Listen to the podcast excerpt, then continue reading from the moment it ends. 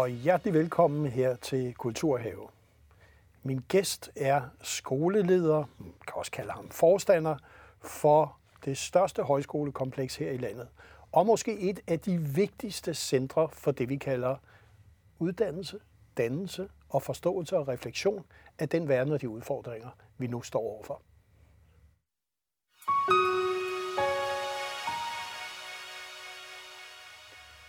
Og velkommen til dig, skoleleder, som det hedder, Jasper Gramkov Mortensen. Forholdsvis nytiltrådt. Ja, det er korrekt, og tusind ja. tak skal du have, Christian. Ja. Ja. Ja, jeg tiltrådte for halvandet år siden, eller sådan noget. Men har, været, men har været mange år, ikke? Jo, jeg har været på ord i godt 19 år. I 19 år. Så jeg kender stedet. Du kender stedet. Ja, ja, det må man sige. Og vi skal også nok komme tilbage til, hvorfor du er gæst her i Kulturhave, og hvorfor du faktisk har rigtig meget med kunst at gøre osv. Men jeg tænkte, om det ikke var godt for seerne, at vi måske lige så komplekset, og så kunne du bagefter lige fortælle, hvad det egentlig er. Det er en god idé. Det kommer her.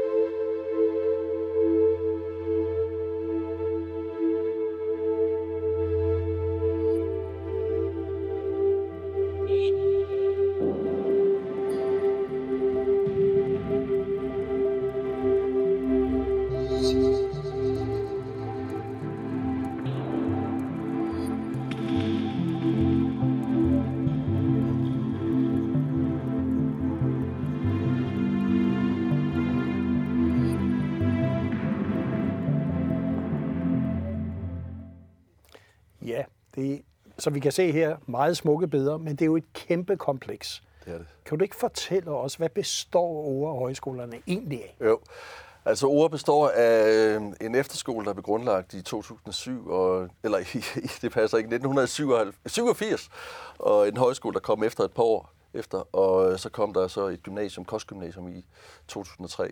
Ja. Øh, så vi består af en af de her tre skoler, og så har vi et sommerkursuscenter også, der har cirka små 3.000 sommerkursister igennem. Men til dagligt er vi 1050 elever og 238 øh, årsværker på stedet. Så det er jo en kultur, det er dannelse, det er sport, det er øh, uddannelse, det er et, et ungdomssamfund øh, af opvagte unge mennesker, som gerne vil noget med deres liv. Det er ligesom det, der er vores ambition. Ja, det her med at kunne bemestre, ikke? Og det er jo nærmest en helt by, når man kommer. Jeg kan huske første gang, jeg skulle komme og se det, der blev jeg overrasket over, at det netop var et, et lille samfund. Ja. ja. Altså, det er jo, hele ambitionen i vores sted, det er jo, at ting skal besmitte hinanden. At startede jo som en idræts efterskole højskole og blev til sport og performing arts, hvor vi fik øh, kunstarterne med ind over i 2007. Men hele ideen er jo, at sporten besmitter kunsten, og kunsten besmitter sporten med de her øh, bemestringsstrategier, som ligger inden for de forskellige områder. Samtidig med, at vi selvfølgelig uddanner til studentereksamen og 10. klasse, og så højskolens mere overordnede dannelsesprojekt. Det er det, der er hele vores mål. Så det betyder jo også en hel del i forhold til, hvem det er, vi rekrutterer ind som lærer, og selvfølgelig også den approach, vi har ude i samfundet, øh, til hvem der vælger vores skoler som elever. Og der må man jo sige, at øh, vi gennem årene har fået opbygget en, en, øh, en øh, hvad skal man sige, en entourage af, af mennesker, som er glade for vores sted, fordi det åbner muligheder for udvikling. Og hvis ikke muligheden for udvikling er til stede blandt unge mennesker i en dannelsesinstitution som mor, så er vi jo et hul projekt. Så derfor er vi hele tiden øh, i omkalfatringer af, hvordan vi gør vores ting, således at vi hele tiden retter det imod de unge mennesker, som lever i den verden, vi lever i nu. Det stiller enormt store krav til os, øh, fordi det kræver, at vi er nogenlunde i synk med den verden, vi lever i. Det vil sige, at vi kan ikke bare være traditionalister. Øh, vi kan ikke bare sige, at højskole er sådan, efterskole er sådan, og et kostgymnasium er rundet af de her de ting men tværtimod altid skal være rundet af det, man kunne kalde det moderne. Det moderne samfund er, som du ved, en flygtig størrelse, og bedst som man troede, man havde fanget ideen, så har den ændret sig radikalt. Det gælder alle mulige virksomheder og skoler øh, verden over, landet over, øh, men det har altid været ords DNA fra den gang, den startede i 1987, at det her sted det er et sted i bevægelse. Og det har jo også givet nogle dønninger hister her, men man må sige, at vores succes, som jeg vist godt kan tillade mig at kalde det selv i dette jantelovsland, så, så øh, må vi sige, at noget af det, vi gør, er i hvert fald rigtigt i forhold til, hvordan vores approach er til unge. Ja, og så tænkte jeg, vi kunne lige se en lille video, hvordan I egentlig præsenterer jer ja. selv for de unge. Det kommer her.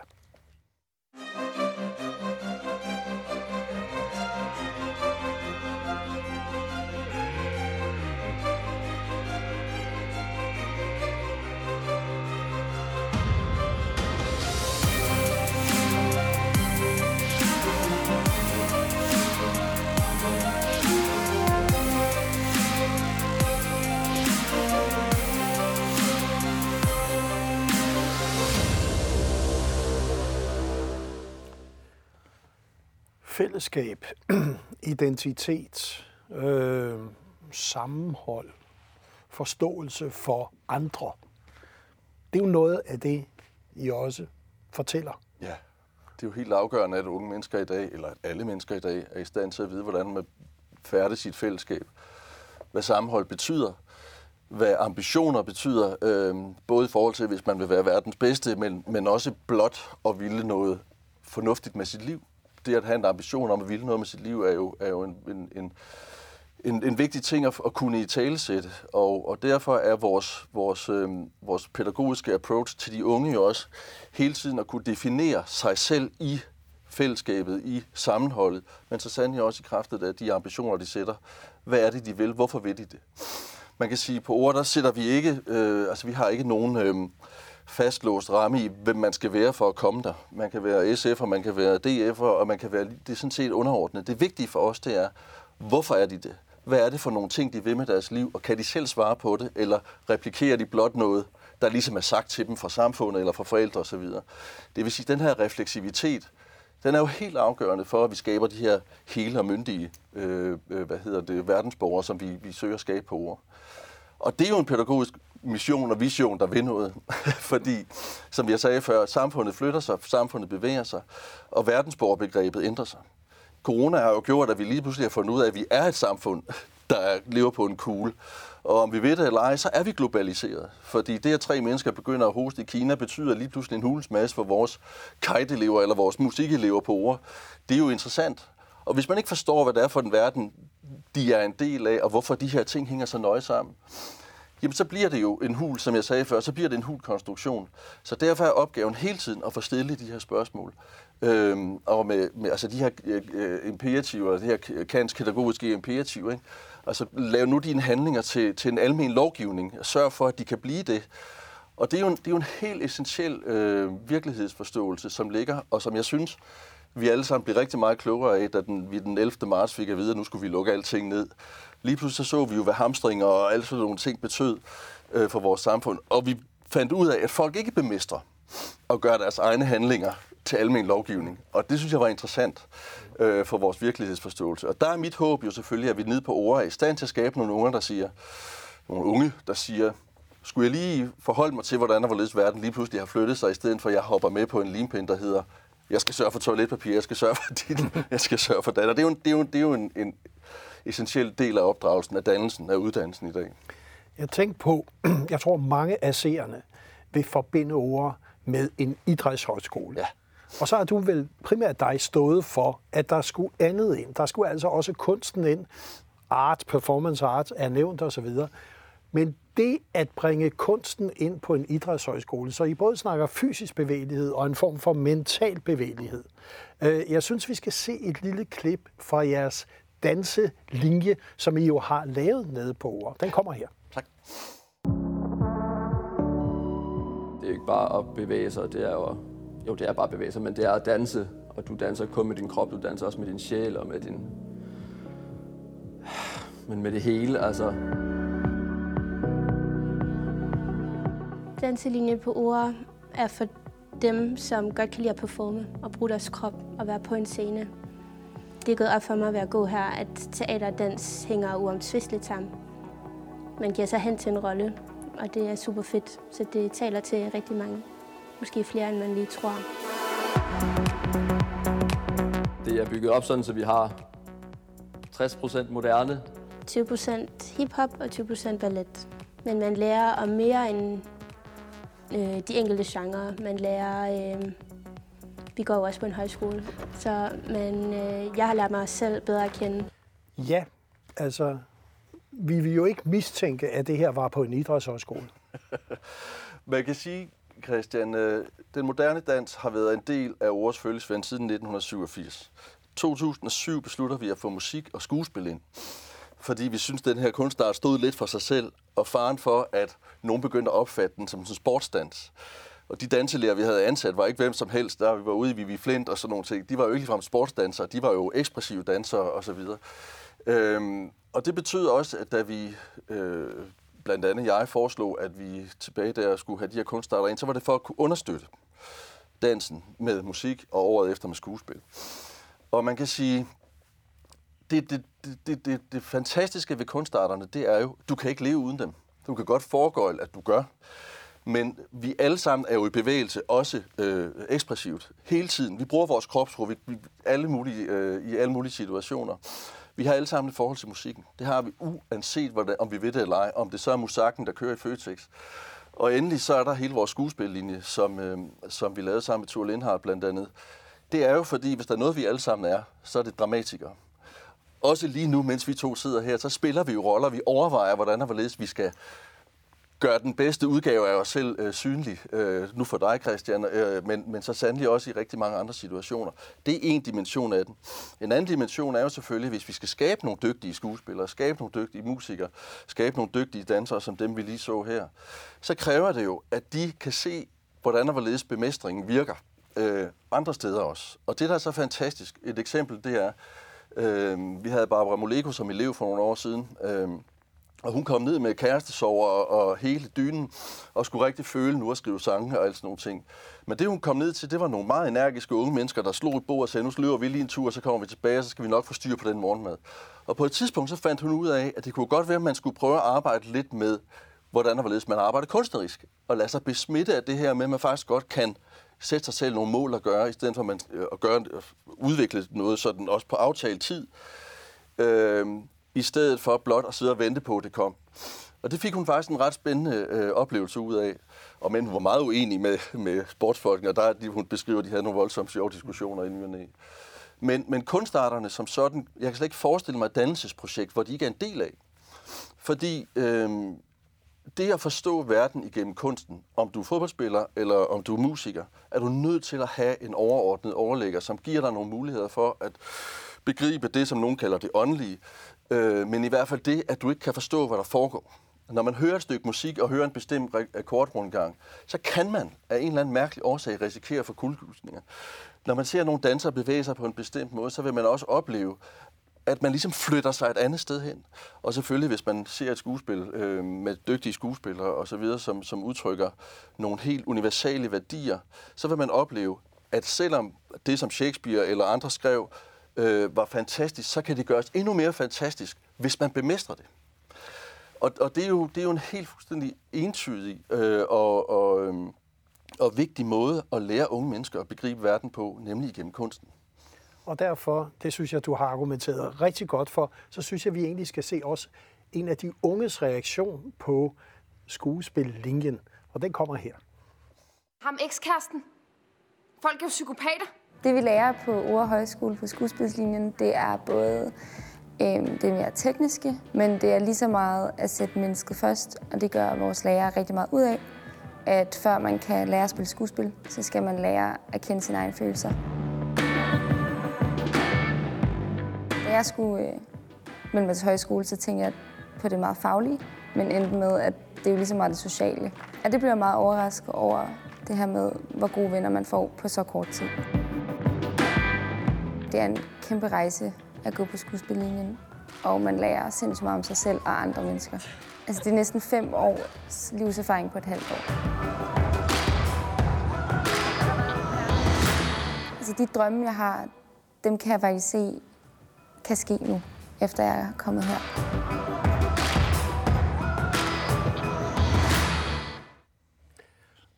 Vi er i gang med Kulturhave, hvor vi har besøg af skoleleder Jasper Gravkov Mortensen, som fortæller om, hvorfor det er så vigtigt, at vi har de kunstriske discipliner med ind i hele det dannelses- og uddannelsesprojekt, vi snakker om, som bliver afgørende for, skal vi sige, også Danmarks fremtid, men også på globalt niveau.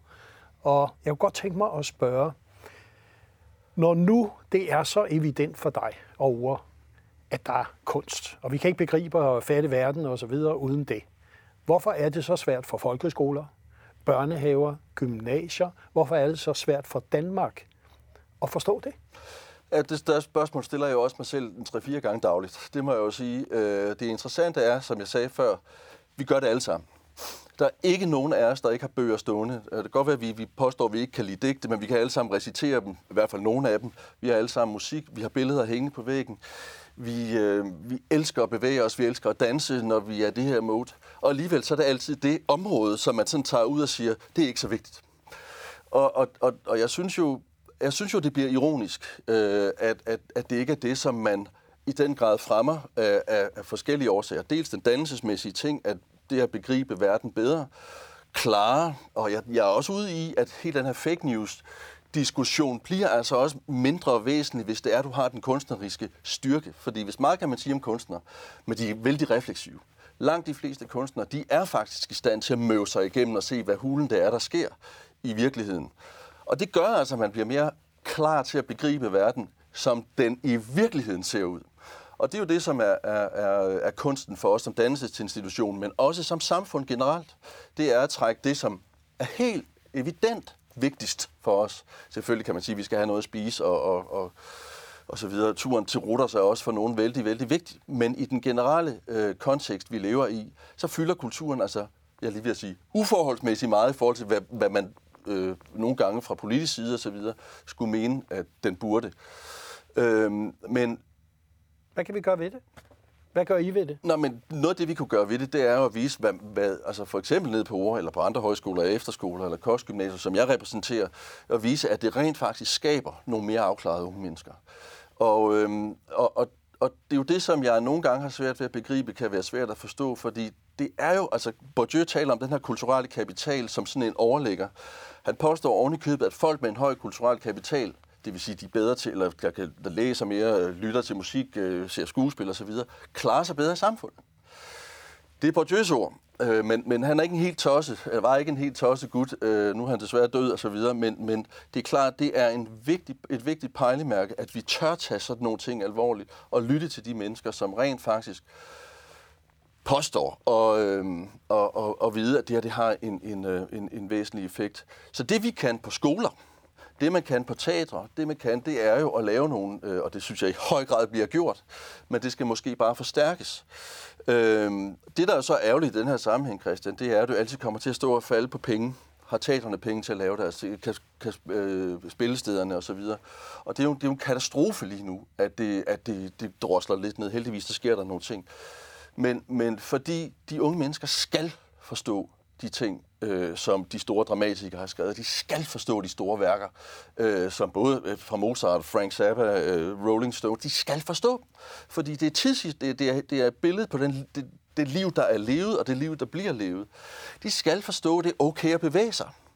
Dansen er jo det bedste, perfekte eksempel på, hvor vigtigt det er, at vi bevæger os. Vi vil jo alle sammen gerne kunne danse, som nogle af dem, vi lige så der. Men jeg ved ikke med dig, Christian, men mine danseevner er ikke... Men jeg vil ønske, de var. Ikke for, ikke for at kunne blære mig, men det vil bare være rart at kunne bevæge sin krop. Det tror jeg, de fleste af os ønsker. Men vi kommer til at bilde os selv ind, at det bliver irrelevant, fordi der er noget andet, der altid er vigtigere. Man kan diskutere, om den statue skal stå der eller der. Det, det, det kan jeg ikke forholde mig til, men jeg kan forholde mig til kunstarterne som dannelsesperspektiver, som dannelsesredskaber, som forlængede arme af vores liv. Og der må jeg sige, at at øh, hvis, hvis, hvis sådan noget røg gik fløjten, så ville vi godt nok have en problemstilling, og vi vil lave et meget forarmet samfund. Og forarmet samfund, de, øh, de har det med at være kulturløse. Ja. Det synes jeg dog ikke, det danske samfund er. Nej, og, og man kan sige en ting, som kunne være spændende at høre dig om. Hele den digitalisering, vi har set. Mm. En teknologi, som fremmer mere og mere selv i scenesættelser, måske væk fra det, vi snakker om her. Hvordan ser du det i relation til unge, hvor det er en naturlig del? Af deres liv. Ja, det er, jo, det er jo igen en af de ting, som man må spørge sig om dagligt, og jeg drøfter med mine unger, og, og kan se i det tempo, de arbejder på, på, på deres tablet eller på deres telefoner på, i forhold til at spejle sig selv med andre i, i forhold til det medie. Problemet er bare, at det bliver en... en øh, der er, mange, der er mange, der kan sige noget om det her, og jeg er slet ikke ekspert. Jeg kan kun kigge ind på, hvordan jeg oplever det på skolen eller på, med mine unger. Øh, men mit problem er, at det bliver meget udvendigt. Ikke? Eller vores problem er, at det bliver udvendigt. Og hvis man lige sådan skal tage pangdangen, så kan man sige, at hvis der er noget kunst ikke er, så er det udvendigt. Og, og, og nu mere man styrker den kunstneriske øh, bevidsthed, den kunstneriske kapital, den kulturelle kapital hos de unge, nu mere vil de også forstå, at det udvendige, det er unødvendigt. Selvfølgelig er vi nødt til at være udvendige nogle gange, give hånd til nogen, som man måske ikke altid har lyst til at lige at hilse på. Men, men perspektiv omkring digitaliseringen er grundlæggende. Digitaliseringen er for mange for manges vedkommende lavet, eller bliver lavet for at redde os, hører man nogle gange. Vi, vi, vi kan regne med teknologien. Men som vi to også har talt om tidligere, så kan man sige, at problemet med teknologien, det er, at Sokrates er ikke iboende. Sokrates bor inde i hovedet på folk, det vil sige, hvis det er teknologien, og, det, og den bor inde i, eller inde i hovedet på folk, fordi vi har en kulturel forståelse, vi har en historisk forståelse. Det har teknologi ikke.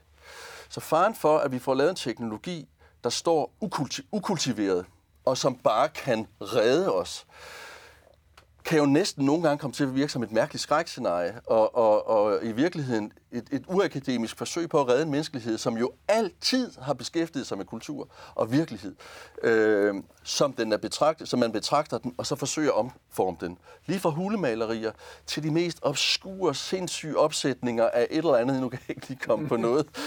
Øh, og, og, og derfor kommer teknologien til at stå i et sjovt, mm, ikke modspil, men et sjovt sted i det her. Fordi skal man, skal man, skal man stille krav folk, der udvikler teknologi, at de er historisk, kulturelt dannet? Det kunne man jo godt. Det kunne man sagtens. Altså man kan sige, at de, de er fløjtende dygtige ingeniører, fløjtende dygtige designere, men har de den dimension, hvor de kommer til, eller hvor de husker at tænke, hvad gør den teknologi, helt fysisk den teknologi, jeg er ved at udvikle nu, ved mennesker? ved vores kulturelle opfattelse. Hvordan understøtter teknologi vores kulturelle opfattelse? Det er jeg sgu i tvivl om. Men, og, og det, er også, det er også bare et postulat, men altså det, der er nogle ting i det, som jeg, jeg bryder mit hoved med. Det. Men jeg tænkte, at du har også været med i noget, i stedet for kun at snakke om, for det handler det jo også. Mm. De unge skal have en form for empowerment, ud at handle os. Mm. Og du har selv været med til at stable en musikfestival på benene her i sommer. Ja. Alle festivalerne blev lagt ned af ja. corona, og i Svendborg, hvor du bor, der lavede man så en musikfestival. Selvfølgelig. Ja, på nogle måneder. Og jeg synes lige, vi skal se et lille klip fra den. 5700 hed Summer, ja.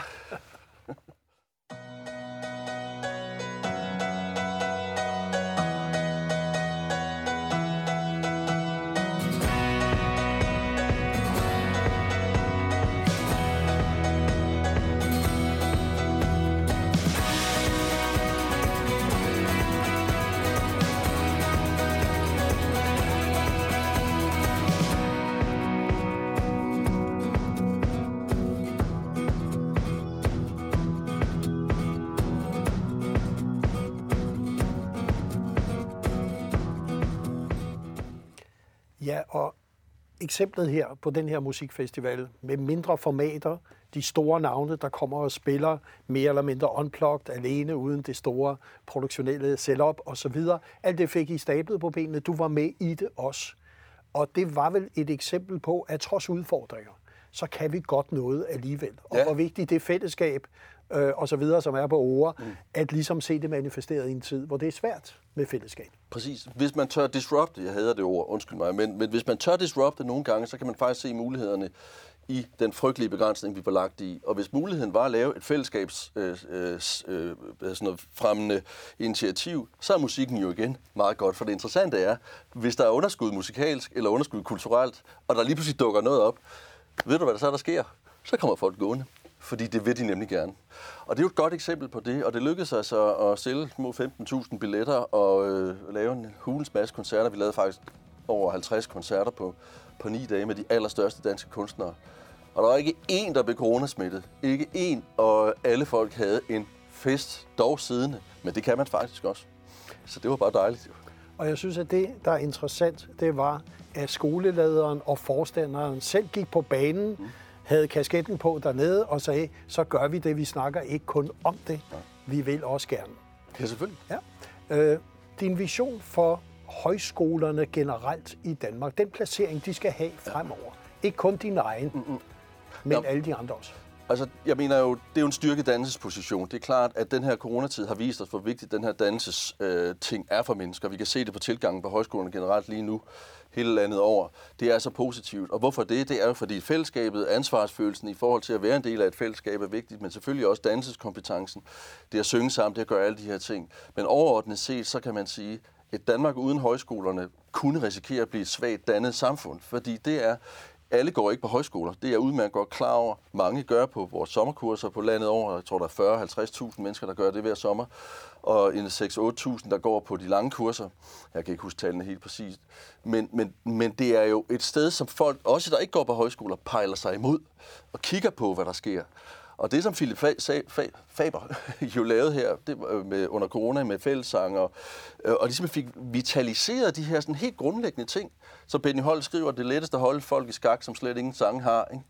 Det, det fik jo lige pludselig ny næring og blev, blev sindssygt smukt. Og det gjorde jo også, at mange vågnede op og tænkte, gud, det kan godt være, at jeg ikke kan komme på, til Asien på, med min rygsæk, men jeg kunne tage et højskole, og det ville måske give, nok ikke lige det samme, men det ville give noget andet, som kunne være bedre, eller i hvert fald lige så godt.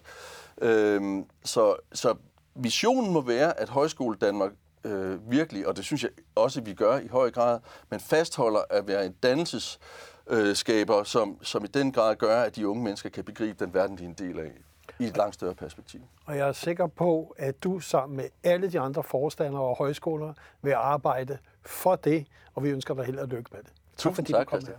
Tak.